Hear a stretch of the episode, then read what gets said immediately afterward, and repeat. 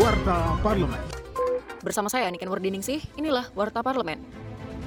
Menanggapi pernyataan Presiden Joko Widodo terkait penggunaan anggaran stunting yang tidak tepat sasaran, Wakil Ketua Komisi 2 DPR RI, Junimart Girsang, meminta pemerintah membuat aturan dan pengawasan mengenai anggaran pengentasan stunting. Politisi fraksi PDI Perjuangan ini menyarankan pemerintah membuat aturan khusus dengan persentase. Misalnya anggaran yang bisa digunakan dalam biaya operasional paling banyak 20% dari total anggaran untuk pengentasan stunting agar tidak terjadi penyimpangan dana dalam penanganan stunting. Warta Parlemen.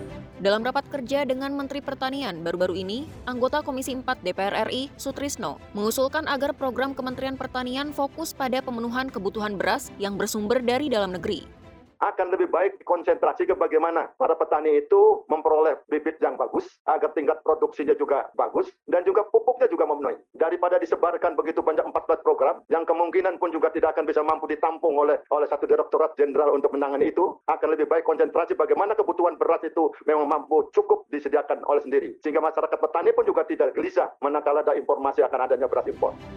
Kinerja Wakil Rakyat dapat Anda simak melalui media sosial DPR RI.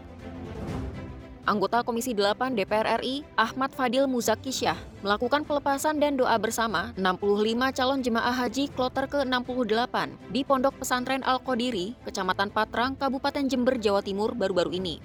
Terkait banyaknya calon jemaah haji yang mengundurkan diri karena faktor kesehatan, meninggal dunia, atau tidak bisa melunasi ongkos naik hajinya tepat waktu, politisi fraksi Partai Nasdem ini memberikan catatan kepada Kementerian Agama untuk mengevaluasi penyelenggaraan haji tahun ini. Televisi Radio Parlemen.